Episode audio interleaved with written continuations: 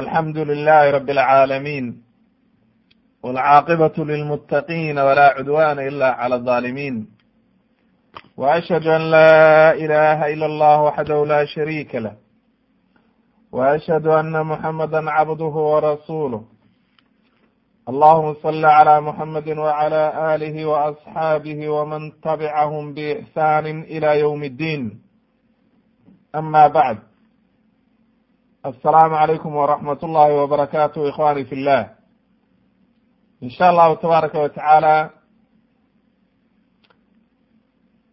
darsigeeni silsilada oo socday oo ahaa shaksiyat almar'a almuslima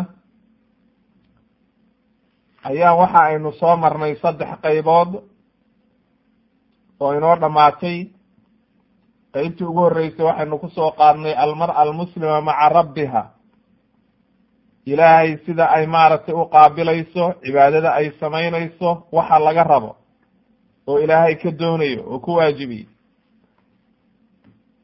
qeybtii labaad waxaynu ku soo qaadanay almar'a almuslima maca nafsiha. Nafteeda waxa ay maaragtay samaynayso.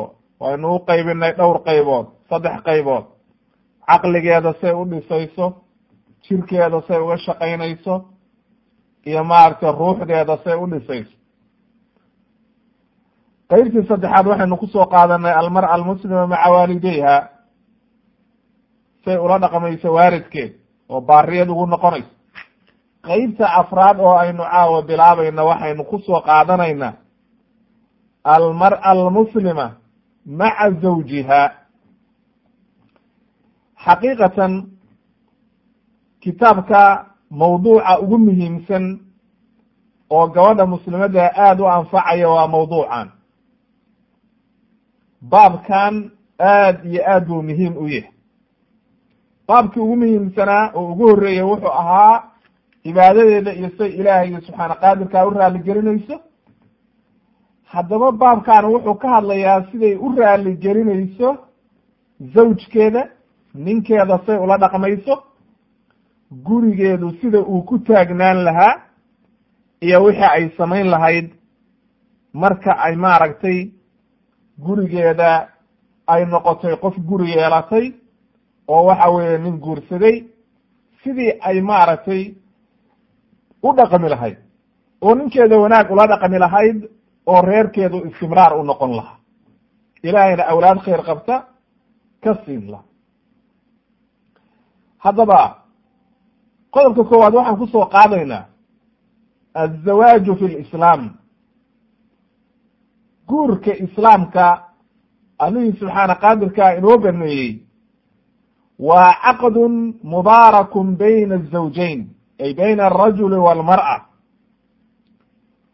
Waxa weeye waa guur dhex maraya labada qof oo ninka iyo qofka dumarka oo markaa waxa weeye isku xalaaleynaya labadaa qof wax walba oo noloshooda sida ay u wada dhaqmi lahaayeen.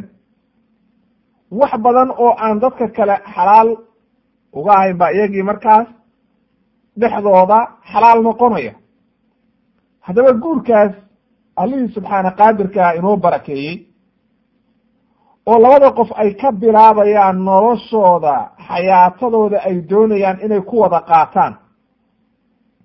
Iyaga oo ay dhexdooda tahay noloshaas dheer oo labada qof noolaanayaan oo joogayaan oo wada degan yihiin oo noloshii qaybsanayaan loo baahan yahay inay noqoto inay ku noolaadaan xayaata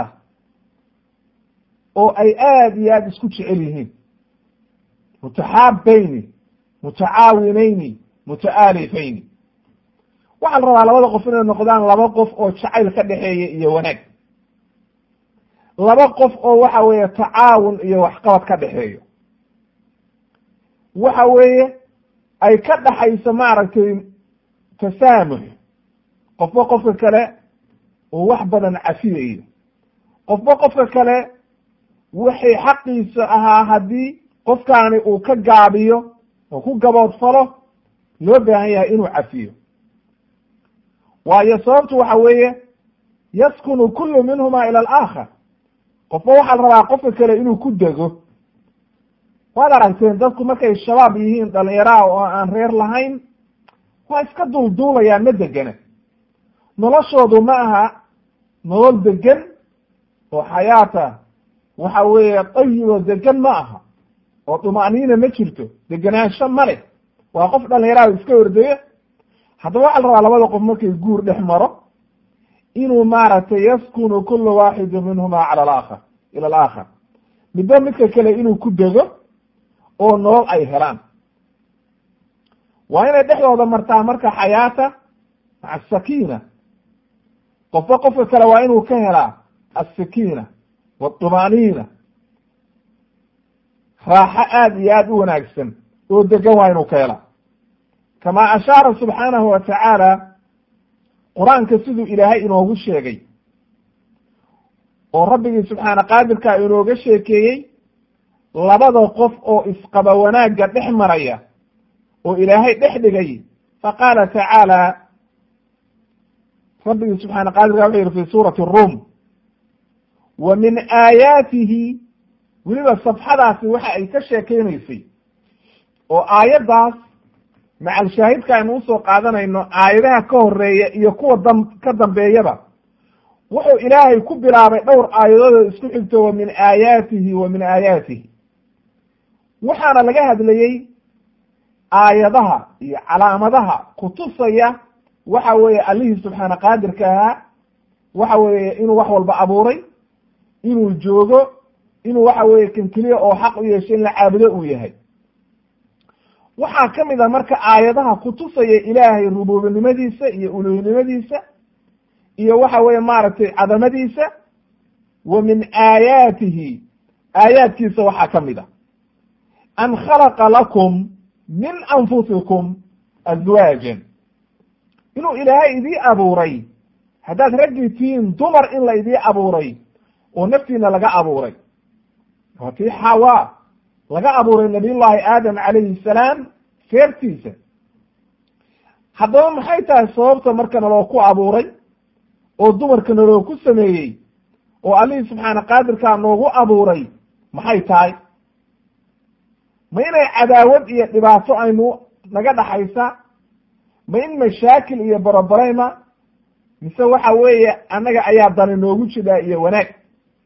Fa qaala tacaala litaskunuu ilayha waa laamu tacliil baa la geliy litaskunuu ilayha si aad ugu degtaan ayaa la idinku abuuray dumarkii haddana markaasaa allihii subxaana qaadirkaa waxa uu yidhi wa jacala baynakum dhexdiinna ilaahay waxa uu dhigay ninkii iyo xaaskiisii mawaddatan wa raxma waa laba arrimood oo aad iyo aada u muhiima mawadda waa jacaylka iyo xubbiga wa raxma naxariista wey haddaba marka labada qof oo isqaba waxaa la rabaa. Gurigooda in laga helo laba saddexdaa arrimood. Alsakiina waطuma'niina waa in degenaansho iyo xasilooni laga helaa waa in laga helaa mawadda jacayl iyo xubbi waa in la helaa labada qof nool ma wada qaybsan karaan haddaan xubbi iyo jacayl jirin ma aha inaynu ku jirno weligeen si xilligii jaahiliga oo kale. Ama dadkii reer baadiyahayo waxa weye maaragtay aan waxba kala garanayn acraabiyaal jafaafiina aynu u dhaqanno. Waxaa la rabaa rag iyo dumarba labada qof inay dhex taalo mawadda wa raxma jacayl iyo wanaag iyo naxariis inay dhex taallaa la rabaa. Haddaba marka daa'iman waxaa sida fikriga oo caamka oo la ogyahay daa'iman jacaylka waxa abuura oo jacaylku ka yimaadaa xagga dumarka. Oo waxa weeye iyaga ayaa abuuri kara. Naxariistana waxaa la rabaa daa'iman ninka inay ka timaado oo ninku daa'iman inuu naxariistaa la rabaa. Haddaba way isku xiran yihiin oo markuu ninku u naxariisto gabadha oo xaaskiisa u naxariisto way jeclaanaysaa markuu jeclaa markay jeclaatana isagiina jacayl baa ku abuurmaya. Haddaba marka waxaa aada iyo aada u muhiima labada qof inay ka dhaxayso mawadda wa raxma. Guri aan mawadda wa raxma oolin ma dhisnaanayo. Haddii uu dhisnaadana waxa weeye ma aha zawaajkii rusmiga ahaa oo qofku ku degayey oo noloshiisu ku degaysay. Waayo tusaale hadda soo qaadano haddii ninku masalan una xaaskii naxariis u haynin iyadiina jacayl jirin oo isagii una jeclayn oo gurigii mawadda waraxma ayna oolin laakiin labada qofba qofka kale uu is yiraahdo masalan hooyadii intaasoo carruuray haysataa waxay is leedahay maanta haddii ama aad kala tagtaan ama lagu furo dhibaato mashaakil baa imaanaya ninkii saasoo kale u leeyahy labadoodiiba markaa naftoodii waxay u cadimayaan mashaakilka u gelinayaan ilmaha loo danaynayo laakiin waktiga uu qofku sabri karaa waa wakti gaaban. Waxaa dhici karta inuu sii wadi kari waayo. Labadii qof midkood uu sabirkaa sii wadi kari waayo. Laakiin markay mawadda iyo raxma taallo gurigi waxa uu noqonayaa guri waxa weeye naciimu dunya ayuu noqonayaa. Sida inoo imaan doonto haddaba zawaajku waa xiriirka ka dhexeeya labada qof oo waxa weeye rabbigii subxaana qaadirka ahaa isku xalaaleeyey oo waxa weeye loogu talagalay inay noqoto wax aad iyo aad u wanaagsan oo labada qof dhex marta oo ay naftoodana ku dhowrsadaan ilmahoodana ku korsadaan waxa weeye waktigoodana ku gutaan iyo cibaadadooda iyo wanaagooda haddaba waxaa loo baahan yahay qof walba oo muslima dhaqankeenna inaynu intaynu bedelno dhaqanka khaldan daa'iman waxyaalaha dhaqanka iyo caadaadkaa waxa wanaagsan oo diinta waafaqsanna waa laga qaataa waxa kharibanna waa laga tagaa. Oo masalan inagu daa'iman dhaqankeenu wuxuu ku salaysnaa dhaqan reer miyiga haddaynu soomaalida nahay waa dhaqankii carabtoo kale ee caraabiyiintii reer miyiga oo kale aynu ku salaysnay markaad fiirisid dhaqankeenna iyo sida ay dadku u dhaqmayaan oo waddankeenna aad fiirisid majority-ga dadka say u badan yihiin waxaad arkaysaa inay ragga soomaalidu xagga dumarka aad iyo aad ugu aad adag yihiin oo ay maaragtay jafaafnima ku jirto. Looma baahna marka in arrinta noocaasa lagu sii socdo bal waxaa la rabaa in dabacsanaan iyo wanaag la sameeyo oo naxariis ay meesha timaado loo naxariisto. Wa ilaa haddii kale waxaynu noqonaynaa sidii maaragtay ninkii nebiga calayhi salaatu wasalaam isagoo madiine la socda uu nebigu dhunkaday wiil ilmo yara. Markaasuu yihi oo miyaa dhunkataan carruurtiina markaasuu yihi maxaa dhacay? Toban wiil baan dhalo weligay ma dhunkan buu yihi mid ka mid a haddaba innaga raggeena soomaalida oo waxa weeye dhaqankii hore ku dhegan ama dhaqankoodii horeba dumar uu dhunkaday iska daaya xataa ilmihiisa ma dhunkanayo waa dhaqan aad iyo aad u khaldan oo aan loo baahnayn dhaqanka noocaasa. Haddaba almar'ata almuslima alsaalixa waa cimaadu lusra waa inay ogaataa gabadha muslimadda ah inay tahay tiirka keliya iyo aasaaska gurigu ku taagan yahay inay tahay qofka dumarka guriga haddii ay hooyadu aynan u noqon aasaas gurigii ma taagnaanayo. Haddaba dumaro waxaa layda ka rabaa sabir badan iyo wanaag badan iyo naxariis badan inaad waxa weeye la timaadaan. Oo layda ka hela assakiina degenaansho laydinku dego. Oo ninkii markuu guriga yimaado naxariis iyo raaxa uu dareemo. Haddaba waxaan leeyahay gabar walba oo muslimada oo ay maqlaysa xadiidka nebiga calayhi salaatu wasalaam oo soo socda si fiican ha u fahamto. Si fiican intay u fahamto ha ku dadaasho bal sida ay xadiidkaas sifadaas uu tilmaamayo gabadha muslimadda bal sidii looga heli lahaa. Nebigu wuxuu leeyahay calayhi salaatu wasalaam addunya mataac adduunyadu waa raaxaysi. Mataac waxaa la yidhaha qofku wixii uu ku raaxaysto wa khayru mataaci dunya adduunyada mataaca lagu khayr lagu raaxaysanayo waxa ugu khayr badan. Macnaha waxyaalaha adduunyada yaalla.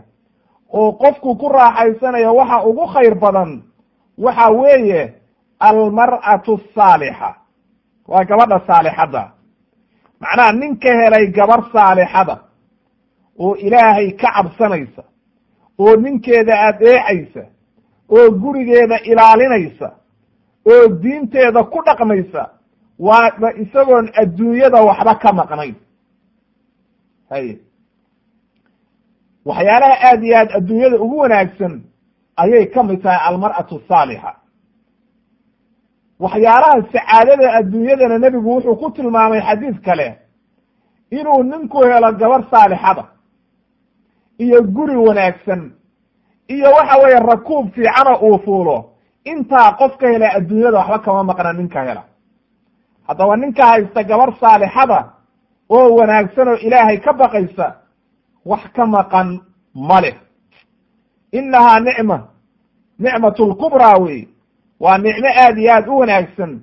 Haddaba waxaa la rabaa gabar walba inay ku dadaasho bal seebay uga mid noqonaysaa gabdhaha saalixaadkaa oo allihii subxaana qaadirkaa kitaabka qur'aanka ku ammaanay oo allihii subxaana qaadirkaa meelo badan kitaabka inoogu sheegay nebigana calayhi salaatu wasalaam uu sunnaha ku ammaanay gabar walba inay ka mid noqoto ayay aada iyo aada ugu baahan tahay inay ku dadaasho baana loo baahan yahay. Haddaba waxaynu nidhi gurigii waxaa looga baahan yahay gabar saalixada. Waxaa looga baahan yahay alsakiina walmawadda waraxma degenaansho jacayl iyo wanaag naxariis isku naxariis baa loo baahan yahay. Haddaba fa kayfa takunu lmar'atu khayra mataaci dunya? Gabadhu seeday u noqonaysaa oo gurigeedii uga dhigaysaa waxyaalihii adduunyada ugu wanaagsanaa oo waxa weeye ay ugu guulaysanaysaa. Macnaha seebay u samaynaysaa inay noqoto almar'a saalixa oo gurigeedii uu noqdo sidii aayadda qur'aankaa ku cad litaskunuu ilayha macnaha gurigeedu guri lagu dego oo ninku ku dego oo ku raaxaysto oo markuu shaqada ka yimaado uu naxariis dareemo oo markuu waxa weeye daalan yahay uu ku nasto oo gurigaasi seebuu u noqonayaa waxaa inoo caddaynaya arrimaha noocaasa waxa weeye qodobada soo socda. Ayaynu qodob qodob u soo qaadaynaa qodobadaasaa inoo caddaynaya. Haddaba ko qodobka labaad oo waxa weeye aynu ku soo qaadanayno oo ugu horreeya waxyaalaha caddaynaya gabadhu seebay u noqonaysaa guri wanaagsan u helaysaa qodobadan soo socda aynu si fiican u fahamno tuxsinu ikhtiyaari zawj. Awalan marka ugu horeysa waa inay gabadhu doorataa nin wanaagsan ma aha ninka inay maal ku doorato. Sida gabdho badan ay samaynayaan ninkaani xooluu leeyahy lacag buu haystaa. Waxa weeye maal buu le madax weeye. Waxaasoo dhan qiimo male ninka sifaadka lagu dooranayo nebiga calayhi salaatu wasalaam baa caddeeyey. Gabadhana sifaadka lagu dooranayo nebiga calayhi salaatu wasalaam baa caddeeyey haddaba taas ayaa loo baahan yahay in lagu dadaalo. Haddaba waxaynu ku dhex jirnaa marka gabadha mawduuceedii. Maxay ku dooranaysaa gabadhu ninka marka ay guursanayso? Ma waxay ku dooranaysaa xoolo badan buu haystaa? Sida gabdhaheena lagu ibtileeyey ma waxay ku dooranaysaa reero madaxuu ka dhashay? Bal waxa aynu fiirina markaa tilmaamaha iyo waxa weeye sifaadka nebigu ina siiyey waa inaynu ka faa'iidaysanaa akhawaati fillah. Waayo sababtu waxa weeye awalan horta marka ugu horeysa diinta islaamku waxay siisay gabadha ikhtiyaar. Lama khasbi karo. Iyada ayaa ikhtiyaar leh oo ninka dooranaysa.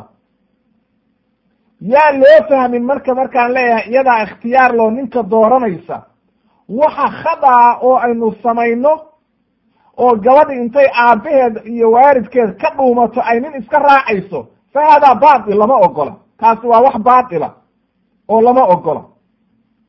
Gabadhu iyada oo aabbaheed iyo waalidkeed iyo dadkeedii la joogaan oo la tashanaysa ayay haddana iyada ninku markuu soo doono iyadu ikhtiyaar leedahay. Lama khasbi karo oo waxa weeye gabadhii guur ayna rabin lagu khasbi mayo oo la odhan mayo ilaa wa ilaa guurso. Waayo sababtu waxa weeye hadda guurkaani istimraar baa la rabaa. Inuu waxa weeye jacayl iyo wanaag jiro baa la rabaa. Ka helitaan baa la rabaa qofku inuu ku qanco waxaan. Haddii gabadhii lagu jajuuba nin ayna rabin oo ayna niyad u haynin oo hadda waxa weeye la isfahmi waayo waa dhibaato haddaba guurka marka la bilaabaya laba arrimood waa muhiim jiddan wey kow gabadha waa inaan la khasbin. Iyaduna waa inayna nin la cararin oo nin la dhuuman. Ninkaanaan jeclaho waan la cararayaa diinta islaamku ma ogola.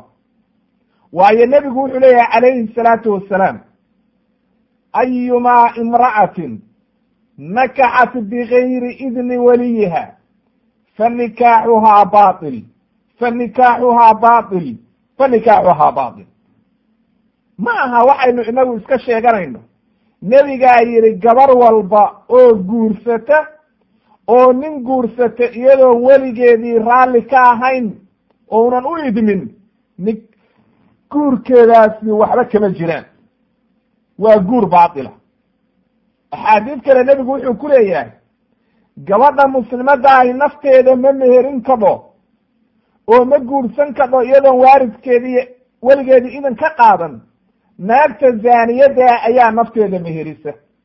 Macnaha naagta zaaniyaddaah ninkay rabtay iska raacdo laakiin gabadh ilaahay ka baqaysa nin raaci mayso iyadoo oon waxa weeye waalidkeedii raalli ka ahayn. Haddaba laba arrimood baynu ilaalinaynaa. Waalidku xaq bay leeyihiin oo aabbuhu xaq buu leeyahay oo waxa weeye haddii aabbihii markaa u joogin walaalkii adeerkii dadkii weliga ahaa xaq bay leeyihiin oo weli la'aan gabadhii lama meherin karo. Haddana waalidku kuma khasbi karaan gabadha nin ayna rabin. Labada arrimood ba waa in la ilaaliyo. Waayo waxaa dhacday xilligii nebiga calayhi salaatu wassalaam. Waxaa gabadh la ohan jiray alkhansa ibn khidam binti khidam. Ayaa waxa ay tiri ina abi zawajanii aabbahaygaa waxa uu i guuriyey oo igu khasbay wiil walaalki dhalay wa ana kaariha aniga oo karaahsanaya arrintaa raalli ka ahayn. Fashakawtu ilaa rasuuli llahi sala allahu alayh wasalam nebiga ayaan u dacwooday nebigaan u tegay oo arrintuu u sheegay markaasuu nebigu wuxuu ku yidhi ajiisi maa sanaca abuuki? Waxa aabbahaa sameeyey iska yeel oo raalli ka noqo. Waa naseexo nebigu waa u naseexaynaya. Wuxuu yidhi iska yeel oo aabbaha maadaama uu kugu meheriyey meherkii waa dhacay iyadiina raalli kama ahayn waa la khasbay. Maadaama aabbaha uu saa sameeyey aabbaha iska yeel adigana raalli ku noqo markaasu waxay tihi ma raba rasuulka ilaahi anigu raqba uma hayo. Oo dee ninkaan raqbadba uma hayaba jacayl ma jira meeshii haye waxa aabbahay sameeyey anigu raqbad uma hayo bay tiri bal ufiirsa markaasuu nebigu wuxuu ku yidhi idhabi falaa nikaaxa lahu ankixii man shiti. Wax guura oo waxa weeye nikaaxa waxba kama jiraan buu yidhi orod buu yidhi nikaaxa aabbahaa ku meheriyey oo ku khasbay waxba kama jiraan. Marba haddaadan adigii raalli ka ahayn waxba kama jiraan. Haddaba xadiidkaa wuxuu inoo caddeeyey imaamu albukhaari baa werinay iyo keyrkiiba. Xadiidkaa wuxuu inoo caddeeyey. Marka xadiidka horta aan dhamayno markaasuu nabigu wuxuu ku yidhi ninkaana tu guurso. Markaasay gabadhi waxay tidhi qad ajaztu maa sarcaabi waan yeelay oo raalli baan ka noqday waxa aabbahay sameeyey. Oo macnaha ninkuu isiiyey raalli baan waa yeelaya haddaan yeelaya. Walaakinii aradtu waxaan doonayay inay ogaadaan dumarku inaan aabbayaashood khasbi karin. Haddaba xadiidkan laba faa'iide oo muhiima ayuu ina tusaya. Kow aabbuhu inuunan gabadhiisa qof ku khasbi karin tan uu ku leeyay iyo naseexo iyo inuu ku qanciyo yidhaahdo aabbo saana kuu fiican. Laakiin ma khasbi karo. Hadday soo istaagto oo tiraahdo ma rabo. Bes uu leeyahay niyo waa ku diiday? Gabadhiya raalli ahow. Ceebna ma. Waayo xor weeye gabadhi waa diidi karaa ninka wuxuu kaloo xadiidku inoo faa'ideynaya haddii ay gabadhu ogolaato aabihii haddii uu sameeyo oo waxa weye isagoon gabadhii khasbay uu sameeyo meherkii gabadhay ku xidhanta hadday gabadhii ogolaato raalli ka noqoto meherkii waa saxiix hadday raalli ka noqon weydana meherkaa waxba kama jiraan. Ninkiina la odhan mayo iska fur gabadhii muxuu furaaba waxba kuma mehersana way iska dhaqaaqaysaa marka. Ninkay rabto way guursanay haddaba marka akhawaati filaahi arrintaa waa inaad fahamtaan. Gabadhu waa xor iyadaa ninka dooranaysa laakiin waa bishardi meherku marka uu dhacayo waa inuu aabbihii raalli ka noqda oo la keena oo waxa weeye arrintaas odaga la soo maraa oo aan waxa weye waaridka laga dulboodin way haddaba xadiidkaa nabiga calayhi salaatu wasalaam waxa uu ku booriyey gabadhaa ugu naseexeeyey waaridka warkiisa inay yeesho waayo waaridku waa ka caqli badan yihiin. Gabadhaani gabar yar weeye waaridku waxay garanayaan maslaxaddu waxa ay ku jirto laakiin ma khasbi karaan. Haddaba marka gabadha muslimadda waxaa loo baahan yahay inay arrintaas si fiican u fahamto oo ku dadaasho oo waxa weeye ay guurkeeda kala tashato marka ugu horeysaba waaridka haddaba maxaa lagu dooranayaa marka ninkii? Oo ninkii haddii uu yimaado. Masalan gabadhii nin baa soo doonay. Ninka maxaynu ka fiirinaynaa? Waa maxay sifaadka aynu u baahan nahay inaynu ninka ka helno?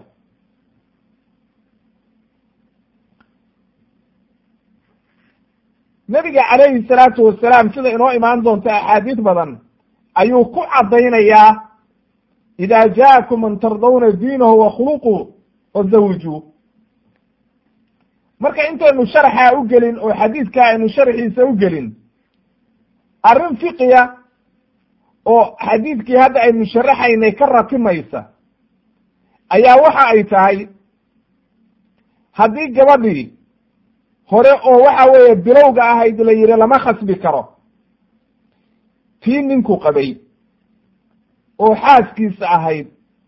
Hadday dhibaata timaado oo ay taraado ninkan ma rabo oo inuu ifuraan doonaya sida dhaqankeenna innaga ah waad aragteen soomaalida weligay ku furi maya buu leeyahay ninkii.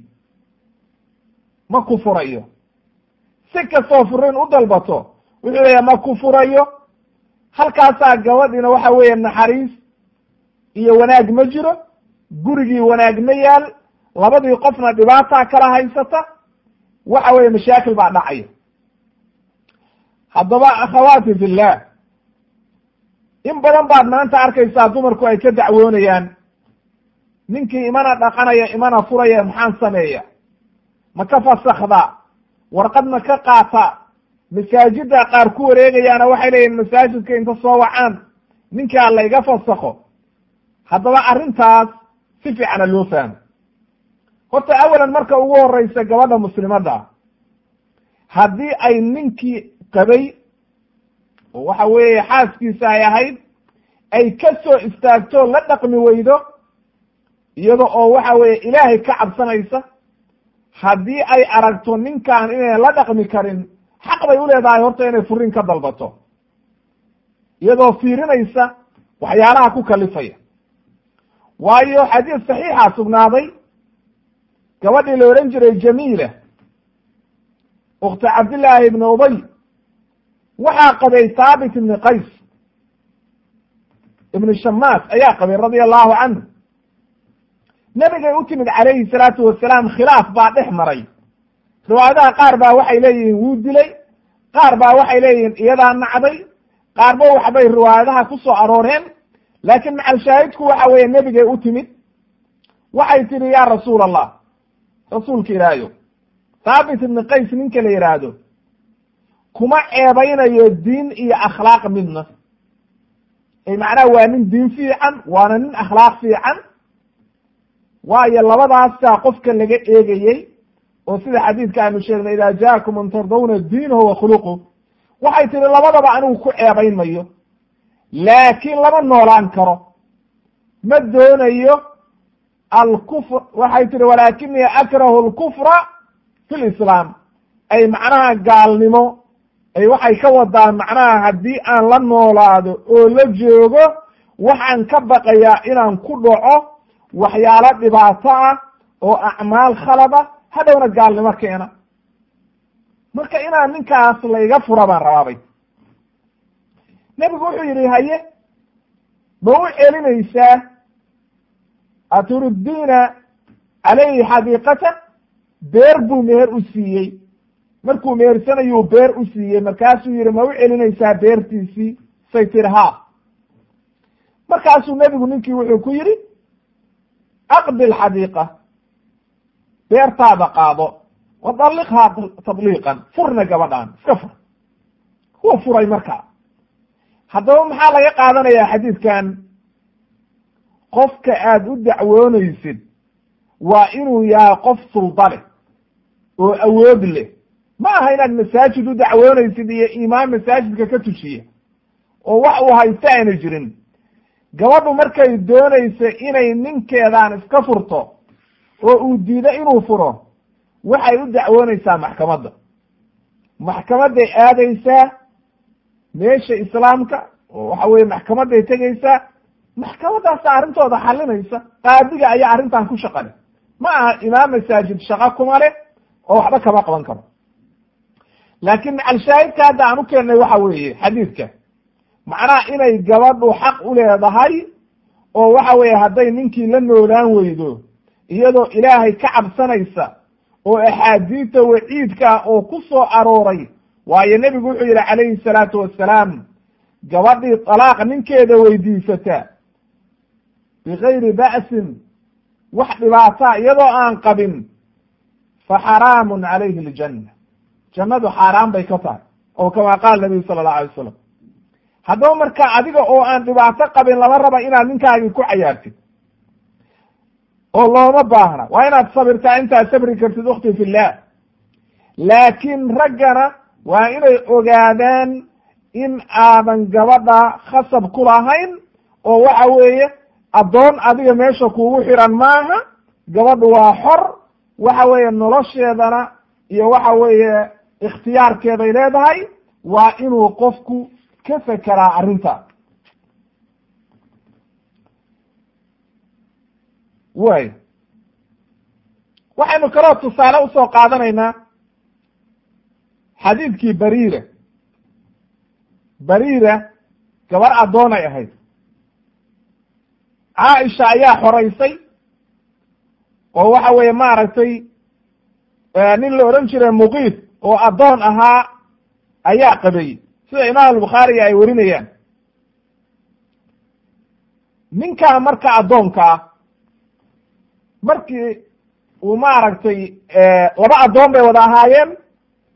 Marka waxay u timid bariira caaisha radiallahu canha markaasay caaisho intay maaragtay ka bixisay lacagtii oo iibsatay ayay xoraysay markay marka xor noqotay ayay markaa ninka ma ay rabin. Awalba waa lagu khasbay oo waxa weye maaragtay dhiba khasab bay ku ahayd ee guur ay rabtay ma ahayn.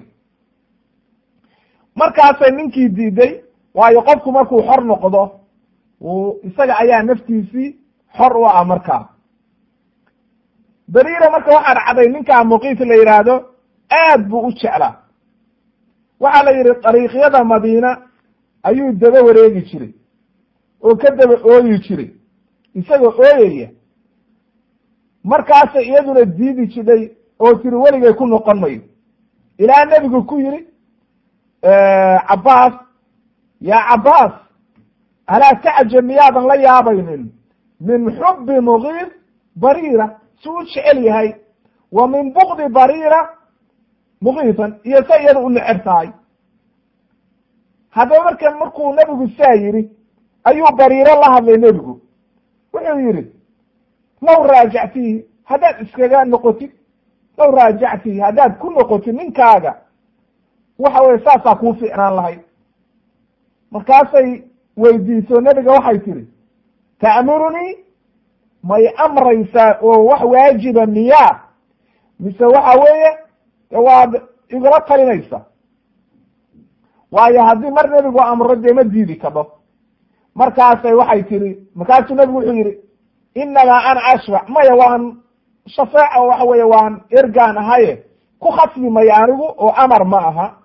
Markaas waxay tihi laa xaajata lii fiihi. Uma baahnin. Haddaba axaadiistaas oo dhan waxay kutusayaan gabadha muslimadaahi inay xor tahay oo aan la khasbi karin oo aan lagu khasbi karin nimayna rabin ama keedii markaa qabay ha noqdo ama mid cusub ha noqdo kulli khasab ma jiro. Laa yukallifu llahu nafsan illaa wusca laa ikraha fi diin.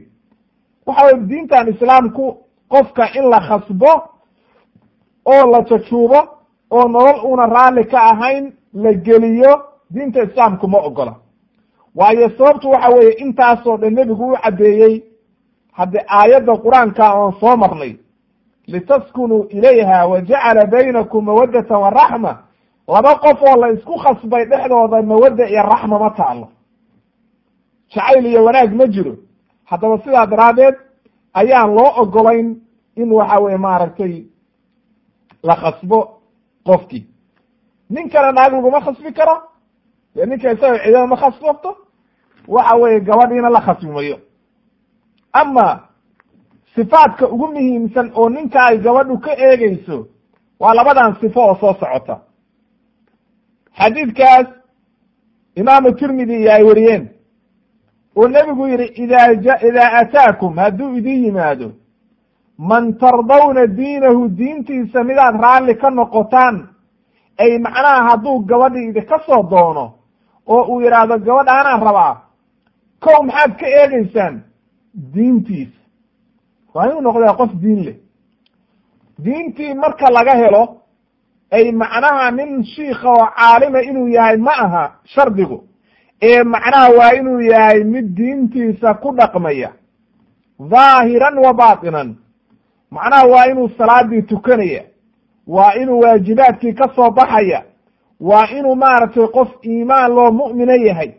Ee wax faasiqa uunan ahayn oo waxa weye nin faasiqa gabar mu'minada lagu dari mayo oo aan diin lahayn. Wa khuluquhu akhlaaqdiisana waa la eegaya. Waayo ninku diin kasta uu leeyahay haddii akhlaaqdiisu xun tahay wax qayma a male waa inuu qof akhlaaq wanaagsan yahay. Akhlaaqduna waxa weeye waa muruu'ada waa inuu qofkii qof edab la yahay oo aan dadka caayaynin oo xumaan samaynaynin oo dadku karaahsanaynin oo af xun uusan ahayn. Nebigu wuxuu yidhi marka fa ankixuuhu ay u guuriya ilaa tafcaluu takun fi lardi takun fitnatun fi lardi wa fasaadun cariid haddiidan saas samaynin oo gabadhii ninkii wanaagsanaa oo soo doontay iidan siinin amase gabadha nin walba intaad siisaan iidan diin iyo akhlaaq ka fiirin dhulka fasahaad baa imaanaya oo dhulkii waa fasahaadaya. Xadiidku waa xadiis xasana oo imaamu tirmidi iyo ibn maaja warinaya.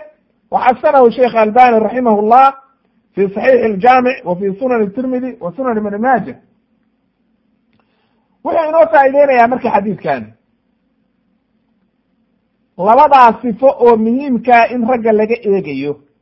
Markuu ninku yidhaahdo guur baan rabaa oo gabadhaana guur ka rabaa oo uu dadkii gabadha dhalay u yimaado labadaas sifay ka eegaya soomaalida labadaasba hadda uma qaymaysna laba kalaa uga muhiimsan waxay leeyihiin markuu ninku gabadha soo doono waryuu yahay horta waa qabiilkee waa ko waa qodobka ugu muhiimsan kii diinta ay ku bedeleen.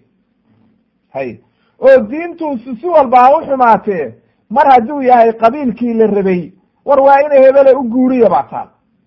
Haye akhlaaqdiina waxay ku bedeleen xoolama haysta. Mar hadduu reer hebel yahay xoolana wato maanta weliba waxaa socoto yurub iyo maraykanna ka yimid. Ha. Mar hadduu yurub iyo maraykan ka yimid waxa weye dollar buu soo dirayaa gabadha u guuriya. Waa lagu kharaabay marka. Fasaadkii nebigu uu ka digayay baa yimid. Markii diintii la eegi waayey oo akhlaaqdii la eegi waayey.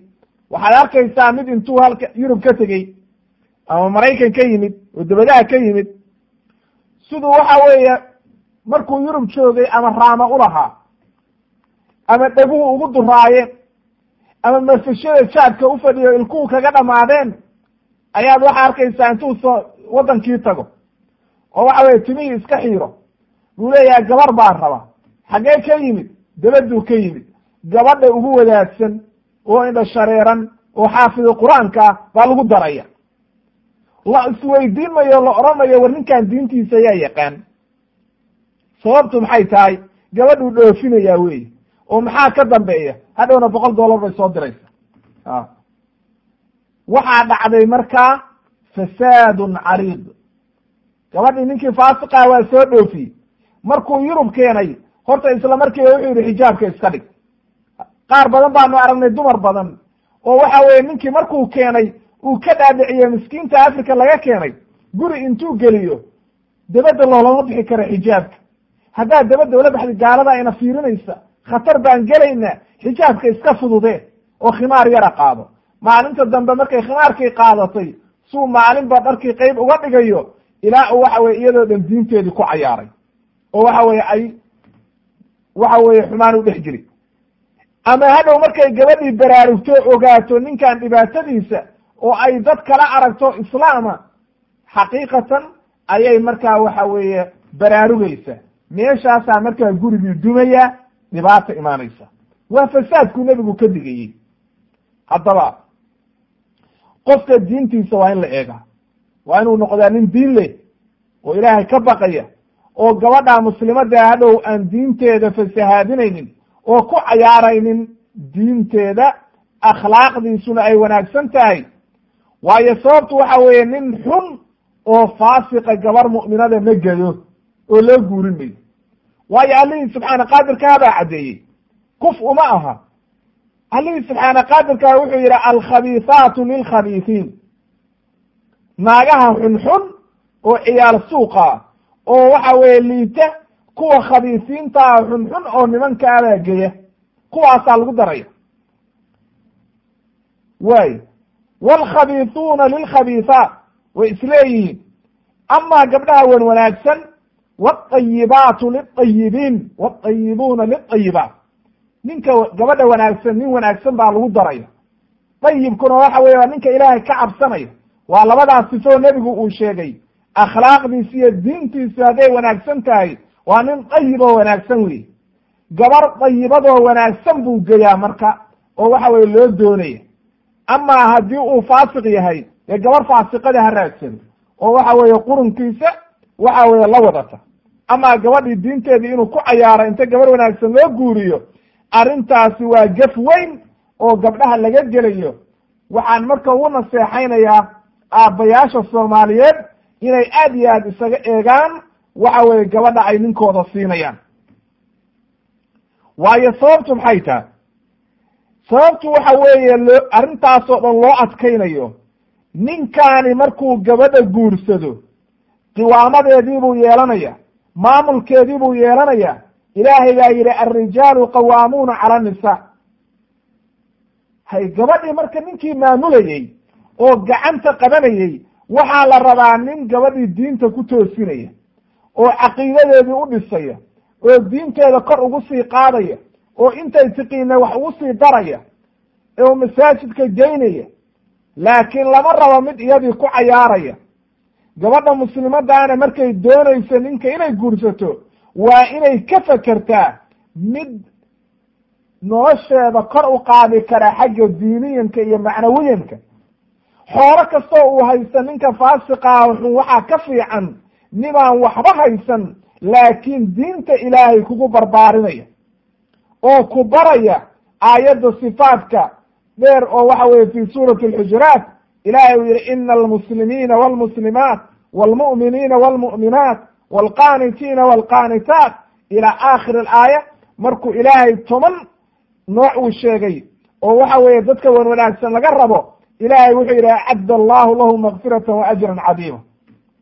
Hay haddaba marka waxaa loo baahan yahay inay gabadhuna taa ka fekerto waaridkuna arrintaa ka fekeraan oo ku dadaalaan siday gabadhooda ugu guurin lahaayeen nin wanaagsan oo uga ilaalin lahaayeen nin faasiqa oo waxa weeye aan qiimo lahayn. Wa min annisaa almuslimaat gabdhaha wan wanaagsan oo waxa weeye aad iyo aad u wan wanaagsan oo shaksiyadooda iyo wanaagooda diinta islaamka fahmay oo aad iyo aad u wanaagsan oo tusaale aynu u soo qaadanayna waxaa ka mid a. oo loo baahan yahay gabar walba oo muslimada inay ku dayato. waxa weeye umu sulaym bintu milxaan radia allahu canha gabadhaasi aad iyo aad u wanaagsan oo waxa weeye maaragtay aad uga fekeraysay diinteeda iyo waxa weeye qiimaheeda wanaagga ay leedahay bal baynu fiirinaynaa iyo dhaxalka ay uga tagtay gabdhaha waxa weeye muslimaadka. Iyada ayaa inoo caddaynaysa oo waxa weeye inoo werinaysa wanaaggaas ay gabdhaha muslimiinta uga tagtay. Horta awalan marka ugu horreysay nin baa qabay waa anas ibni malik hooyadii nin baa qabay oo waxa weeye maaragtay malik ibni nadar la ohan jiray waa anas aabihii markay islaamtay isagii ma islaamin. Kabacdina markaa waxa weye wuxuu isku dayey inuu diintii ka celiyo way diiday iyaduna ilaa markaa waxa weye uu isagii isaga tegey markii dambena uu dhintay isagii. Wa taqadama ilayha shaabun min alansaar. Weliba waxaa la yidhi waa abu dalxa ninka la ohan jiray. Waa abu dalxa waa raggii ansaar ugu qiimo badnaa buu ka mid ahaa. Uguna xoola badnaa ba la yidhi. Gabdhaha marka reer ansaar oo madiino deganaa aad iyo aad bay ninkan loogu sheekaysan jiray ba la yidhi. Oo waxa weye wiil sha nin dhalinyaraa oo shaaba oo aad u wanaagsan oo xoolo leh oo wax aad iyo aad u dabeecad wanaagsan buu ahaa ba la yidhi. Oo deeqsiya waxaa dhacday markaa maalintii dambe ayuu soo doonay. Waxa weeye umu sulaym. Markaasay waxay tidhi wuxuu yidhi maal waxaa rabtid baan ku siinaya. Xoolo noocaa rabtid meher intaa doontid qabso. Wax alla waxaa doontid ayaan ku siinaya. Markaasay waxay ku tidhi xagga caqiidaday kala hadashay. Isagu marka weli ma islaamin markaa laakiin iyadii waa muslimad. Waxay ku tidhi intay la hadashay. Miyaadan ogeyn bay tidhi yaa abaa dalxa miyaadan ogeyn ilaahyada waxa aad ka dhigateen oo sanamyada ah inuu qorqoro addoonkan reer bani najaar oo xabashiga waxa aad ilaaha ka dhiganaysa xoolahaaga iyo xagga u kaadi laakiin horta waxa ilaaha aad ka dhiganaysa sidoo sanamka sow ma ogid nin addoon ah oo reer bani najaar waa reer bani najaar waa qabiiladii deganaa ansaarta oo madiine deganaa waa jilib ka mid a. Ninkaa addoonka ah sanamka uu qorqoray baad caabudaan sow ma aha. Suu yidhi ha miyaadan ilaahay ka xishoonayn bay tiri marka. Marka aad waxaa caabudaysa miyaadan ogeyn bay tiri ilaahyadan aad caabudaysaan. Haddii dab lagu shido inay gubanayaan seedaad wax gubanaya oo daciifa ilaah uga dhigato adigu maa waxaa la yidhi maalintii hore wuu ka tegey maalintii dambe uu ku soo noqday isagoo haddana xoolo badan u bandhigaya. Markaasay sidii ugu soo celcelisay oo waxay ku tidhi markii dambe inaka rajulun mushrik waxaad tahay nin gaala oo mushrika waana imra'atun muslima anigana waxaan ahay gabar muslimada haddaad guurkayga doonaysid fa in tuslim haddii aad islaamtid fadaaka mehri xoolo kaama rabo oo wax kale kaama doonayo haddaad islaamtid meherkaygu waa islaamnimadaada islaamtay shilin xoolaa haysiin laakin bishardi inaad islaamtid keliya haye wa ilaa haddii kale xalaal iimatid mana y guursan karid orad iska ta ninkii wuu yaabay marka arrintaana qalbigiisa ku soo noqnoqotay ilaahiina haddii la gubo wuu gubanayaa see wax gubanaya aad ilaah uga dhigatay see ilaah waxa weye addoon qalbigiisibuu ka fekeray waxaa la yidhi isaga oo waxaa la arkay ka baxay oo markaa waxa weeye isweydiinaya see ilaah gubanaya muxuu aniga itaraya ilaa markaa uu ku dhawaaqay oo yihi ashhadu an laa ilaha ila allah wa ana muxamadan rasuulu llah markuu islaamay ayay tiri idan hadda diyaar baan marka ku ahay haddaan ku guursanay waxa weye taariikho badan bay leedahay gabadhaasi. Gabadh aad u sabir badan bay ahayd oo aad iyo aad u wanaagsan. Waxaa ka mid ahayd sabirkeeda inta wiil yaroo ay dhashay uu dhintay oo isaga u dhashay inay ka qarisay oo waxa weye intay diyaarisay oo wiilkii oo xanuunsan intuu galabtii ka tegey. Bay waxa weye markuu wiilkii dhintay intay meel gaara gelisay oo waxa weye iyadii isdiyaarisay. Markuu waxa weye iyadii u tegay oo jimaacay ayuu waxa weye ay ku tiri ilmihii yaraa ka waran bay tiri haddii dad deriska uu ku siiyo wax amaaha.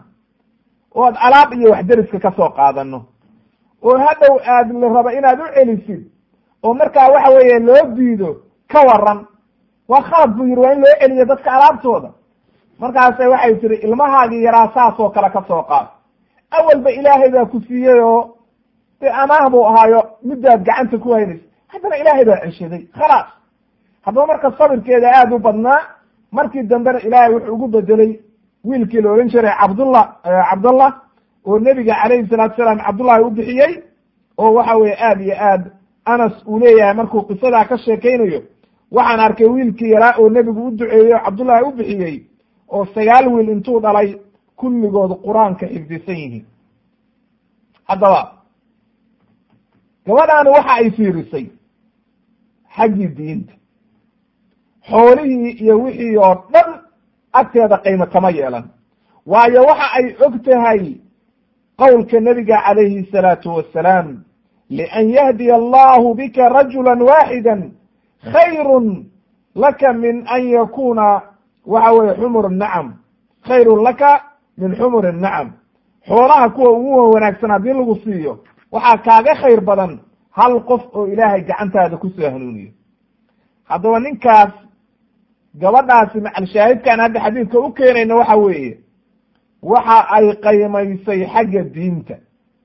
Waayo diintii bay ka eegtay. Ninkii nin wanaagsan waa yahay oo akhlaaqdiisii waa fiican tahay laakiin markay ogaatay inuuna diin lahayn dee waxa weeye diinta ayaa ugu muhiimsan in waxa weye aada iyo aad loo qiimeeyo oo loo fiiriyo. Wixii kale markaa waxay noqonaysaa waxaan wax qiimo ah lahayn haddaan meeshii diini jirin waa la kharaabaya. Way. Haddaba waxaan ku beerinaynaa gabar walba oo muslimada inay ilaahay ka cabsato oo guurkeeda ay diinta ku qiimayso oo uu noqdo guurkeedu guur diin ku salaysan oo ninka ay guursanayso uu noqdo nin diinta ku dhaqaya. Waxaad arkaysaan maanta xaqiiqatan waa la soo maray beri dhexe wakti dhexe oo gabdhuhu ku fakeri jireen ninka uu guursanayso ninkay guursanayso inay diinta ku guursato. Hadda laakiin waxaa soo baxay oo waxa weeye weliba qurbaha aanu ku aragnay dumarkii waa la qaybiyey raggii. Gabdhahu ogaada arrintaasi waa arrin khalada ilaahay ha laga cabsado. Waxaad arkaysaa dumarkii waa qaybiyeen raggii waxaa la yidhi raggii waxaa loo qaybiyey saddex qaybood. Waxay yidhahdeen wadaad diinta ku dhegan iyo nin mutasaahila oo waa wadaad macaasi iyo aadimayo jaad ma cuno sigaar ma cabo salaadiisa waa tukadaa laakiin waxa weeye waa waa dabacsan yahay. Waxyaala badan buu ku ogolya iyo nin waxay yidhahdeen jaad walaa iska khariban oo jaadkiisa cuno faasla waxay yidhahdeen marka gabdhihii ay leeyihiin in badan aanu ku aragnay sida laga sheeg dadku ay maaragtay laga soo warinayo gabdhaha waxay yidhahdeen wadaadka ad adag oo diinta ku dhegan kaasi waa adagii oo lalama noolaan karo waayo guriga inaad ka baxdi ma ogola oo xijaab adag buu kugu khasbaya oo waxa weeye wixiisoo dhan waa ad adayg wixii diinta adayg laga dhigay aroosyadii kuma ogola. Waxa weeye baashaalay meelaha iska sheeka aad kuma ogola. Waxyaalo badan buu diidaya marka kaama raba bay yidhahdeen gabdhihi maxaad rabtaa? Ninkan xun oo jaad walaha oo jaadka cunayana ma rabo. Maxaad rabtaa marka? Kan xoogaa mutasaahilka. Oo diintiisu khafiifka tahay. Oo waxyaalo badanna ii ogol. Waxyaalaha xunxun oo waaweynna diidaya. Haddaba akhawaati filah arrinta arrin saxiixa maaha ninba nin intuu ka diin fiican yahay oo diintiisa uu kaga dadaalayo waa inaad doorataa. Ma aha inaad diinta tiraa ninkan diintiisa waa dabacsanta. Haddaad mar diin dabacsanaad ku dooratay birina intaan yar buu ka tegayaa. Hadhowna meel cidlaad iskula baaba'aysaan laakiin ninkan diinta ku dhegan waxa weeye adigana diinta kula dheg kuna dhaqmo diinta. Allihii subxaana qaadirkaa markaa wanaag iyo khayr buu ida siinaya haddaba qodobkaa waxaan uga gudbaynaa khulaasadiisa waa inay gabadhu ninka diin ku doorata akhlaaq ku doorata. Kuma dooranayso waxa weeye maaragtay xoolo kuma dooranayso qabiil kuma dooranayso sadana waxaasoo dhan waa dhammaanayaan gabadhana intoo kalea lagu doortaayo nebigu markuu yidhi waxa weeye tunkaxu almar'atu liarbacin limaaliha walixasabiha walijamaaliha walidiiniha gabadha diinteedaa lagu doortaa oo quruxdeedaa lagu doortaa oo dadkeedaa lagu doortaa oo maalkeedaa lagu doortaa nebigu wuxuu raggii ku booriye o yidhi fadfar bidaati diin taribat yadah war diinta midale ku liibaan oo diinta tan wadata taa ku liibaan. Midda xijaaban oo diinteeda ku dhaqmaysa taa qaado. Dumarow idinkana waa la mid ragga ninka diintana ku liibaana. Oo waxa weeye ninkaa qaata ninka aan diinta lahayna banaanka ka mara oo waxa weye isku khariminina qodobka saddexaad waxaan ku soo qaadaynaa mudiicatun zawjaha baaratun bihi. Arrintaani waa arrin aad iyo aad u muhiima inay naagtu ninkeeda adeecdo waa muhiim. Waayo ilaahay baa yidhi alrijaalu qawaamuuna cala anisa ninka waa inaad adeecdaa ukhti fillah. Waa inaad u noqotaa baariyad raalliyo ah. Jannada ilaahay si aad u geshid. Waayo sababtu waxa weeye haddaadan baariyad u noqon oo aadan raalliyo u noqon hadda markaa waxaa imaanaysa inaad waxa weeye diintii ku cayaartid gurigii guri wanaagsan uu noqon waayo. Waxaa kugu filan inaad ku dayatid waxa weeye dumarkii saxaabiyaadkii mu'minaadkii inaad ku dayatid maxaynu ka wadnaa marka markaynu leenahay mudiicatun baara. Ay macnaha inay warkiisa maqasho. Oo waxa weeye u khidmayso. Oo naftiisi iyo wanaaggiisi ay ku dadaasho say suruur farxad iyo nolol fiican ay ula noolaan lahayd. Waa inay u khidmaysaa oo wax walba oo wanaaga ay ugu kaalmaysa. Dumar badan baa hadda isweydiinaya oo odhanaya guriga inuu ninku ka shaqeeyo iyo inay naagtu ka shaqayso yay waajib ku tahay. Arrin aad iyo aad u cajiiba.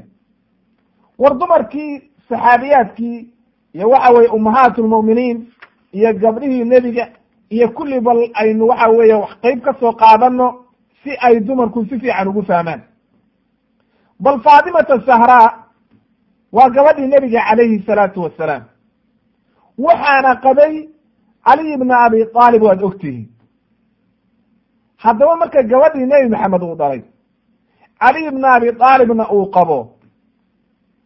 Oo waxaynu arkaynaa intay guriga hawshiisii ka badatay. Oo waxa weeye hawshii ay qaban kari weyday oo dhib weyn ay ka dareentay waayo caliyi wuxuu ku mashquulsan yahay nebiga calayhi salaatu wasalaam wuxuu afar iyo labaatanka saac ku mashquulsan yahay hawl iyo waxa weeye nebiga la joogidiisii. Qur'aan baa soo degaya waxyi baa imaanaya. Hawl buu ku mashquulsan yahay. Guri wakti uma hayo uu kaga shaqeeyo. Markaasay iyadiina aad iyo aad gabar yarna waa ahayd oo aad u yar hawshiiba aad ugu adkaatay. Markaasaa maalintii dambe wuxuu ku yidhi cali radia allahu canhu maanta waxaa aabbe u yimid. Waxa weeye dad oo waxa weye addoommo iyaa la keenaye. Sabiyo jihaadka lagu soo qabsadaye. Khaadim weydiiso oo qof waxa weeye gabar khaadim oo kuu shaqaysa soo weydiiso. Gurigii bay timid. Nebiga kama ay helin. Caaishay aragtay. Arrintiibay u sheegtay. Nebiga calayhi salaatu wasalaam hamay goor waxa weeye la seexday oo waxa weeye fiidkiiyo waxa weye markay rabeen inay seexdaan ayuu nebigu u yimid oo gurigii ku soo garaacay. Markaas iyagoo markaa firaashkoodii tagoo raba inay seexdaan. Cali baa soo istaagay fadhi fadhi bu i joog wuxuu leeyahay cali nebigii firaashku nagula soo fadhiistay labadoodii wey waa ilmihiisii. Markaasu wuxuu yidhi alaa ucallimukumaa miyaanan ida baraynin? Khayran mima sa'altuma. Wixii aad weydiisateen khaadimka aad doonaysaan oo guriga idinka shaqeeya war wax idin wax idinka khayr badan ma ida bara. Idaa akhadtumaa madaajicukumaa markaad sariirtiina tagtaan ood seexanaysaan fasabaxa allaha ilaahay u tasbiixsada talaatan wa talaatiin.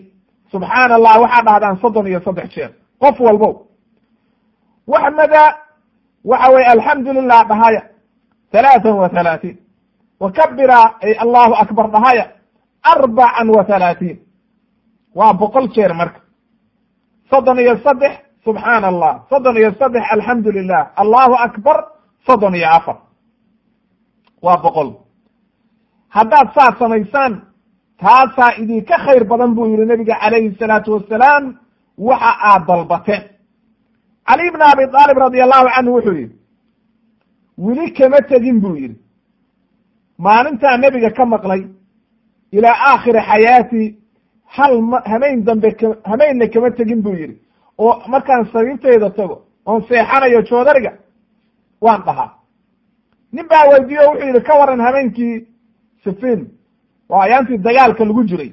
Laylata sifiin ka waran markaasu wuxuu yidhi xataa habeenkaa xataa kama tegin. Ee macnaha waan akriyey oo dardaarankii nebigaan qaatay oo saasaan ugu dhaqmo haddaba macal shaahidku waxa wey aan u soo qaadanayno. Faatima binti rasuulillaah sala allahu calayhi wasalam iyadaa gurigeeda ka shaqaysanaysay oo hawsheeda qabsanaysay oo ninkeeda u khidmaynaysay oo wanaag walba samaynaysay nebiguna calayhi salaatu wasalaam waxa weeye khaadim kuma boorine wuxuu ku sii booriyey inay cibaadada badiso haddaba qofku markuu cibaadada badiyo wuxuu ilaawayaa wax walba oo hawla. Wuxuu ogaanayaa hawshan uu qabanayo inuu waxa weeye ajar iyo wanaag ka helayo marka waxaa la rabaa akhawaati fillah inaad hawsha aad qabanaysaan ilaahay darti aad ka dhigtaan oo waxa weeye aada rabbigii subxaana qaadirkaa ajar kaga raadisaan oo waxa weeye aada nimankiina u khidmaysaan wanaaggu taasuu ku jiraa. Waayo gabadhu waa wasiirkii guriga. Wasiiru daakhiliya wey guriga iyo hawshiisii iyo shu-uuntiisii ayay ku mashquulsan tahay. Ninkuna waxaa la rabaa inuu banaanka ka soo shaqeeyo. Haddaba marka hawshii markii saa loo kala yeeshay ma aha in macnaheedu ay tahay ninku inuuna guriga waxba ka qaban. Bal waxa weeye khayru rijaal ragga kuwa ugu wanaagsan nebigu wuxuu ku tilmaamay ninka dumarkiisa u wanaagsan nebigana caaisha radi allahu canha markii la weydiiyey caaisha waxay tihi markii la yidhi nebigu gurigiisa markuu joogo muxuu samayn jiray? Kaana waxau ahaabay tihi fii khidmati ahlihi fii mihnati ahlihi. Ay macnaha gurigiisuu ka shaqayn jiray oo hawshuu la qaban jiray oo dumarkiisuu la sheekaysan jiray oo wax walbuu qaban jiray. Mihna waxaa la yidhahdaa waxyaalaha guriga laga qabanayo. Haddaba marka ninka waa caawinaya oo waa dadaalaya ninka wanaagsan laakiin waxaa la rabaa gabadhu inay ogaato arrintaa oo aad iyo aad ugu dadaasho oo waxa weye ay ninkeeda wanaag oo dhan ay waxa weye u diyaariso. Waxaynu kaloo soo qaadanaynaa asmaa binta abibakar iyadana waa caaisho walaasheed waa abubakar sidiiq baa dhalay waa asmaa waad garanaysaan. Daatu nadaaqayn waa gabadhaynu soo marnay oo waxa weeye cajiibkaas waxay tihi tasawajanii bay tiri waxa ay guursadee bay tiri. Azubayr waa cabdullahi ibnu zubayr aabihi. Zubayr ibnu cawaan ba ay guursaday. Wa walaysa lahu maal dhul ma u lahayn oo xoolo ma lahayn oo addooma ma lahayn oo shaqaalo ma lahayn nin faqiira buu ahaa. Waxaa dhacday bay tiri marka waxa aan samayn jiray hal faras buu lahaa bay tiri oo uu jihaadka ku aadi jiray. Faraska waxaan samayn jiray bay tiri marka calafka la siinayo waxyaalaha la siinayo oo faraska la siinayo aniga ayaa u soo guri jiray oo waxa weeye u diyaarin jiray oo banaankaa ka soo guri jiray. Waxaan samayn jiray bay tiri marka waxyaalaha oo dalowga biyaha lagu soo dhaan waxaasoo dhan baan diyaarin jiray. Gabar yarna way ahayd. Maalin baa marka waxaa dhacday xilli dambea nebigu wuxuu siiyey calayhi salaatu wasalaam dhul buu siiyey. Zubayr. Dhulkii bay marka inta tagtay oo beer ahayd ba waxay ka soo qaaday markaa oo madaxeeda ku soo qaaday waxa weeye nawa. Nawa waxa weeye waa lafta timirta. Oo la rabo in markaa waxa weeye wax lagu sameeyo oo waxa weye maaragtay ay halkaa ka soo guraysay. Oo xoolaha iyo waxaasaa la siinayey ama faraska iyo waxaasa u diyaarinayay waxaa dhacday marka nebiga ay soo maray bay tiri oo waxa weeye koox la socda saxaabada ah oo rakuub buu nebigu saaraa hashiisii ayuu saaraa. Markuu i arkay ayuu hashii fariisiiyey oo wuxuu damcay inuu isoo qaado. Marka meesha iyadu ay ka soo lugeynayso waa meel xoogaa adigu hal kilomitr iyo meelaha jirta iyo xoogaa waxay tiri markaa hashii buu fariisiiyey markaasaan waxaan xusuustay bay tiri zubayr bay uga sheekaynaysaa. Waxaan xusuustay kiiradaada masayrkaadii ay macnaha waxa la fuulayaa waa hal. Hashii nin baa fuushan oo nebigaa fuushan calayhi salaatu wasalaam. Rakuubka marka qeyntiisa dambe fangal baa la yidhahdaa qofka hore markuu qof gadaal ka fuulo gadaal soo fuul buu yidhi. Ila wax kale lama haye markaasay diiday oo ka xishootay oo waxa weye tiri waan iska lugaynaya. Markaasay u sheegtay zubayr. Markaasuu wuxuu yidhi wallahi inaad nebiga calayhi salaatu wasalaam uu ku soo qaado ayaa iiga khayr badnaan lahayd intaad la soo lugayn lahayd adoo culayskaa madaxa ku wada. Haddaba marka u fiirso balsay gabdhihii saxaabiyaadkaa ula shaqaynayeen waxa weeye raggooda. Waxay tiri marka maalintii dambe xilligii dambe oo abubakar ayaa abubakar baa wuxuu isiiyey bay tiri gabar addoon oo khaadim ah ayuu isiiyey markaasay hawshii iiga filaatay kaannamaa actaqatnii waxaad moodaa inay i xoraysay oo waxa weeye dee shaqaalay u noqotay hawshii oo dhan bay ka qabanaysa haddaba waad aragteen dee innagaba hadda wa wacyigeenna oo dhulkeenna markaynu ka hadalno reerka shaqaalo haysta oo waxa weeye gabadha shaqaale u shaqaynayo iyo qofkaan shaqaalo haysan isku mid maaha. Gabadha shaqaalo u shaqaynayso oo gurigii looga shaqaynayo oo cuntadii loo diyaarinayo suuqii loo aadayo hawl aad iyo aad u badan ayaa waxa weeye laga furtay. Haddaba intaasoo dhan waxaynu ka qaadanaynaa gabadha muslimadda ah inay ku dadaalayso inay waxa weeye ninkeeda caawiso. Intaasoo dhanna maxaa loo samaynayaa liannahu xaqa uu ninku ku leeyahaa aad iyo aad u weyn oo xaqa ninka ayaa wax aad iyo aad u weyna bal aynu fiirino xaqa uu ninku ku leeyahay xaaska nebiga calayhi salaatu wasalaam axaadiista uu ka yimi bal aynu qeyb ka soo qaadano wuxuu yihi xadiis saxiixa nebigu laa yasluxu libasharin an yasjuda libashar uma banaana qof inuu qof u sujuudo. Haddii ay banaanaan lahayd bu yidhi arrintaa walow suluxa libasharin an yasjuda libashar la amartu lmar'ata an tasjuda lisawjiha licidami xaqihi calayha. Xadiidkaa nebigu wuxuu ku leeyahy oo inoo caddaynaya.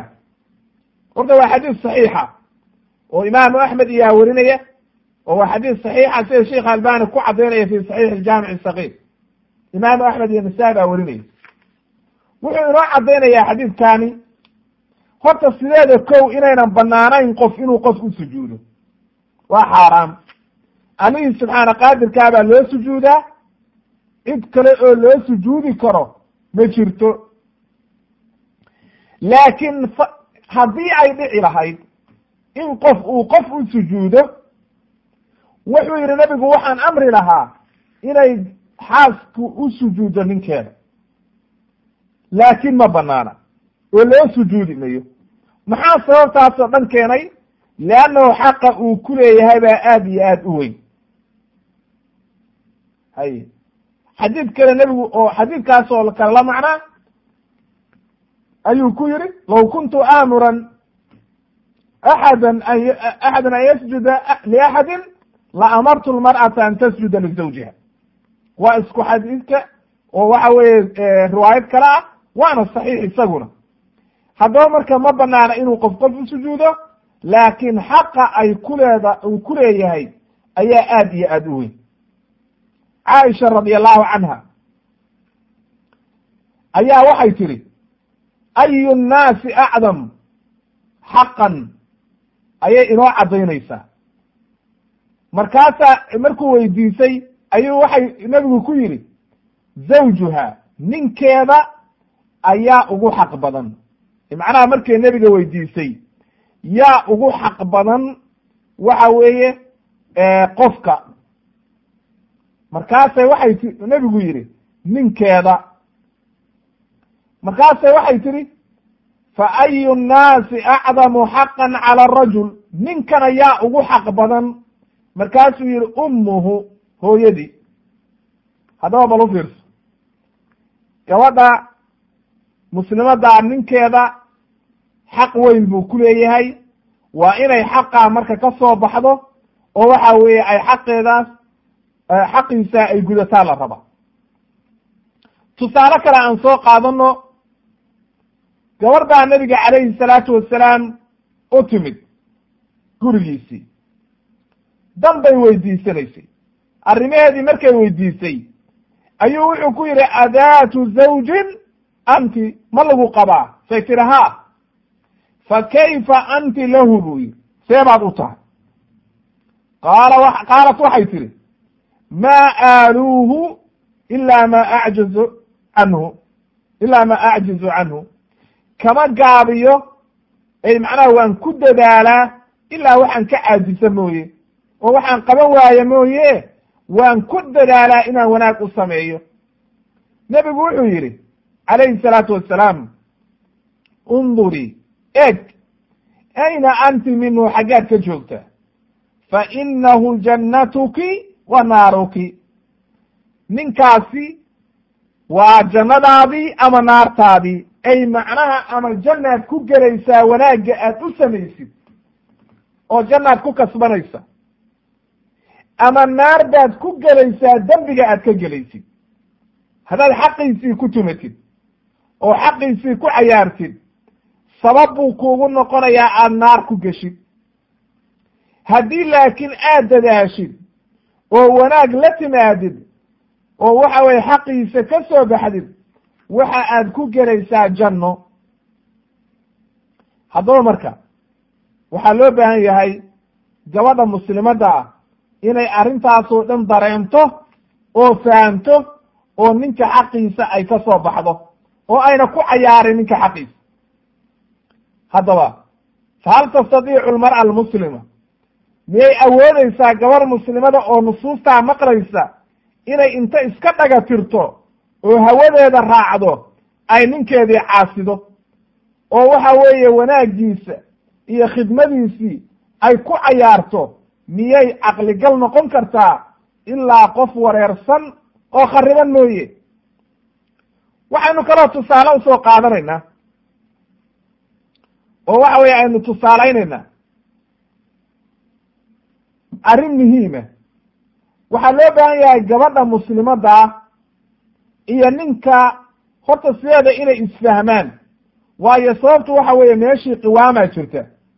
marka waxaa loo baahan yahay in la isfahmo waxaa dhacday ibnuljawzi ayaa waxa uu warinayaa kitaabkiisa axkaamu nisa waa ibnuljawzi ma aha ibn lqayim aljawziya waayo waxaa kala jira laba imaam oo waxa weeye labaduba min kibaar alculamaa ka mid a almutaqadimiin.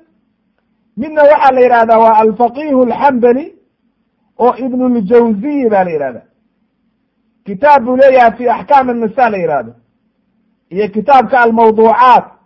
Waa kutub badan buu leeyahay. Midna waa ka dambeeyaayo waa ibn lqayim aljawziya oo waa ardaygii sheikh alislaam ibnu taymiya marka waa kala labo. Marka ibn ljawzi ayaa horreeya wuxuu kitaabkiisa ku soo arooriyey wuxuu yihi nin waxaa jiray saalixa oo wanaagsan oo diintiisa aad iyo aad ugu wanaagsan oo salafkii ka mid ahaa qarnigii labaad oo hijriyada qarnigii labaad oo islaamka waxaa la odhan jiray marka shucayb ayaa la odhan jiray ibn xarbi wuxuu doonay inuu guursado oo guur buu raadinay nin aad u mutawaadic oo tawaaduc badan buu ahaa ba layihi oo aad iyo aad u wanaagsan. Marka gabadh buu rabay inuu guursado. Wuxuu rabay gabadhaa caqligeeda inuu fiiriyo iyo dabeecaddeeda iyo dhaqankeeda. Wuu imtixaanay. Wuxuu yidhi markuu la hadlayy wuxuu yidhi waxaan ahay inii rajulun siy maaragtay sayi lkhuluq nin dabeecad xun baan ahay buu yidhi. Anigu waxaan ahay buu yidhi markuu isaga warramayey nin aad u dabeecad xun oo dhaqankiisu dabeecaddaydu ma fiicna. Marka hadda gabdhaheena maanta soomaalida hadduu ninka soo doona uu yidhaahdo nin dabeecad xun baan ahay. Oo xanaaq badan oo dabeecad xun dee kuma raba iga tag bay odhanaysa mubaasharatan. Laakiin gabadhan gabadh caqli badan bay ahay oo aad iyo aad u caqli badan. Fa qaalat waxay ku tiri markaa oo waxa weye iyada oo tusaysa waxa weye maaragtay xaqiiqada. Waxay tihi aswa'u minka khuluqan waxaa kaasii dabeecad xun bay tihi midka kugu kalifay inaad dabeecad xumaatid man axwajaka an takuna sayi alkhuluq. Horta qofka kugu kalifay inaad dabeecad xumaatid ayaaba kaasii liito bay tiri. Oo kaasii dabeecad xun markaasuu wuxuu arkay oo uu dareemay inay tahay naag aad iyo aad u caqli badan. Markaasuu wuxuu yihi idan anti imra'ati adiga ayaan ku guursanaya marka. Haddaba marka macnaha aan fahanna wax yar. Ninku hadduu dabeecad xun yahay naagtu dabeecaddiisa waa bedeli kadha waayo dabeecad xumadu waxay ka bilaabataa iyadoo ama la murmo ama khalad yimaado ama la iscanaado ama erey xun la isyaraado laakiin haddii daa'iman erey macaan iyo wanaag iyo naxariis iyo raxmad ay taal dee qofkii wuxuu ka xanaaqaba arki mayo. Marka qofkii haddii uunan xanaaqin dabeicaddiisi waa fiicnaanaysa oo gurigii wanaag buu ku soconaya oo markii ay aragto sida wasiyada inoo imaan doonta hooyada la dardaarmaysay gabadheedii markay aragto qofkii dumarkaa markay aragto ninkeedii maanta uu guriga soo galo. Markay ku soo dhoweyso erey wanaagsan iyo naxariis iyo wanaag hadda wax uu dhibsadaba arki mayo. Laakiin markuu ku soo dhoweyso muran iyo hadal iyo qaylo iyo waxa weye dhibaato dabeecaddi waa xumaanaysa marka gabadhaa waxay tiri oo u caddaysay dabeecad xumaduba inay ka imaanayso iyadoo qofka lagu qaabilo wax khaldan. Haddaba marka akhawaati fillah gabadh walba waa inay ku dadaashaa inay ninkeeda akhlaaqdiisa hagaajiso. Oo iyadu marka hore akhlaaqdeeda ay hagaajiso markay dabeecaddeeda iyo dhaqankeeda hagaajiso oo markuu ninkii aragtay inuu caraysan yahay ay carada ka baabi'iso markay aragtay inuu dhibaato dareemayo ay dhibaatadii waxa weeye maaragtay ku dadaasho say uga baabi'in lahayd oo wax ula qaban lahayd waxa weeye qofkii markaa waxa uu noqonayaa qof wanaagsan oo aad iyo aad u wanaagsan. Ayuu noqonaya. Oo dabeecaddii iyo dhaqankii oo dhan baa markaa bedelmaya laakiin haddii ay ficilta meesha yimaado waa dhibaato. Waxaan soo qaadanaynaa marka nebiga calayhi salaatu wasalaam bal xadiid uu inoogu tilmaamay khayru nnisaa dumarka kuwa ugu wanaagsan waa kuwe. Oo dumarka aad iyo aad u wanaagsan waa kuwama. Nebigu wuxuu yidhi calayhi salaatu wasalaam isagoo inoo caddaynaya arrinta alaa ukhbirukum miyaanan idiin sheegaynin? Isagoo raggii la hadlaya war miyaanan idiin sheegaynin alaa ukhbirukum nisa nisaa'ikum dumarkiina miyaanan idiin sheegaynin fi ljanna oo ahlu jannaha. Dumarkiina ahlu jannaha oo jannada gelaya miyaanan idiin sheegaynin gabar walba maanta markii la yidhaahdo janno ma rabtaa haa bay leedahay. Bilaa taradud iyadoo aan ka shakin haa qof walba waa rabaa janno. Laakiin jannadii asbaab bay leedahay iyo sababo lagu galo waxaa la rabaa qofkii inuu la yimaado asbaabtii jannada lagu geli lahaa. Haddaba marka waxay tiri wuxuu yihi nabiga calayhi salaatu wasalaam miyaanan idiin sheegaynin dumarkiina kuwa ugu wanaagsan oo ahlu jannaha haa bay yidhahdeen markaasu wuxuu yihi nabiga calayhi salaatu wasalaam waxa weeye wuluudun waduudun waa midda ilmaha badan dhalaysa oo waduudun ninkeeda isjeclaysiinaysa waa midda carruurta badanna dhalaysa. Ninkeedana isjeclaysiinaysa oo ninkeeda ka shaqaynaysa siduu ku jeclaan lahaa idaa qadiba haddii uu caroodo ninkeedii ama uu dabeecaddiisii xumaato qaalat waxay leedahay haadihi yaddii fii yadik.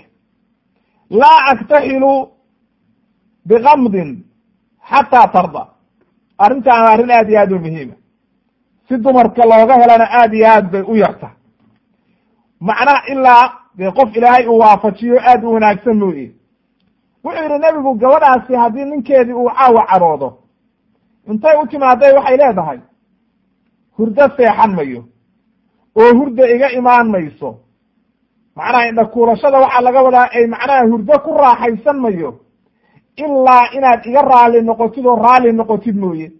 oo adoo raalliga aad seexatid mooye noloshuba iima hagaagsanaanayso. Haddaba bal u fiirso. Akhawaati fillah waa khayru nisa waa dumarka ahlu jannaha waa asbaabta jannada lagu galo. Xadiidkuna xadiis saxiixa. Oo waxa weye imaamu axmed iyo werinayaan sheikh albanina ku saxiixinaya fi saxiix iljaami haddaba marka laba arrimood oo muhiim uu xadiidkaa sheegay oo labadaba ninku uu ku jeclaaday xaaskiisa. Kow waluudun. Carruur badan bay dhalaysa. Gabadhu markay ilmo dhashada ninku waa sii jeclaanayaa dumar ogaada arrintaas dumarkiina maanta keena carruur badan ma dhali karo. Dawooyin baan isticmaalaya ilmaan kala korinaya. Ninku carruur badan markaa u dhashid ba waa ku jeclaanaya. Markaad ilmo dhashidba jacayl iyo wanaag baa sii kordhaya. Waa inaad marka awlaadda badisaan ee maaha inaad gaalada ku dayataan. Oo ilmaha badan waa lagugu jeclaanayo. Qofka fidradiisu saliimka tahay oo iimaan kale ilmaha badan waa ku jeclaanaya xaaskiisa. Ilaah baana keena laakiin adigu dadaal oo dadaalkii la imow waduudun waduudkuna waa jacaylka waa inay ninkaaga isjeclaysiisid oo jacayl samaysid oo wanaag la timaadid. Labadaa haddaad la timaadid jannada ilaahayna waad gelaysaa. Rabbigii subxaana qaadirkaana wuxuu kuu ballan qaaday nebiguna wuxuu kuu caddaynaya xadiidka inaad ka mid noqonaysid dumarka jannada gelaya oo waxa weeye wanaaggaas aada helaysid. Haddaba gabadha muslimadda oo caqliga leh waxaa looga baahan yahay arrintaa inay ku dadaasho oo aad iyo aad arrintaas ay ugu dadaasho. Waxyaalo badan oo axaadiis badan oo soo arooray ayaa jira oo waxa weye arrintan ka hadlaya fii saxiixi muslim iyo waxa weeye kulligood ay soo warinayaan gabadha inay ku dadaasho ninkeeda inay raalli geliso waxyaalaha ugu muhiimsanna waxaa ka mid ah xagga firaashka oo waxa weeye ah dee wixii ugu muhiimsanaa oo laisu guursaday inay ku raaligeliso marka axaadiis badan ayaynu insha allah sheegi doonaa haddii rabbi idmo laakiin hadda waktigaa dheeraaday insha allahu tabaaraka watacaala darsiguna weli waa sii dheer yahay qodobkan halkaa ayaan ku joojinaynaa. Haddii rabbi idmo oo aynu waxa weeye xilliga dambe ka sii qaadaynaa haddii rabbi idmo insha allahu tabaaraka watacaala wa subxaanaka allahuma bixamdika ashhadu an laa ilaha illa anta astakfiruka wa atuubu ilayk walxamdu lilahi rabbi alcaalamiin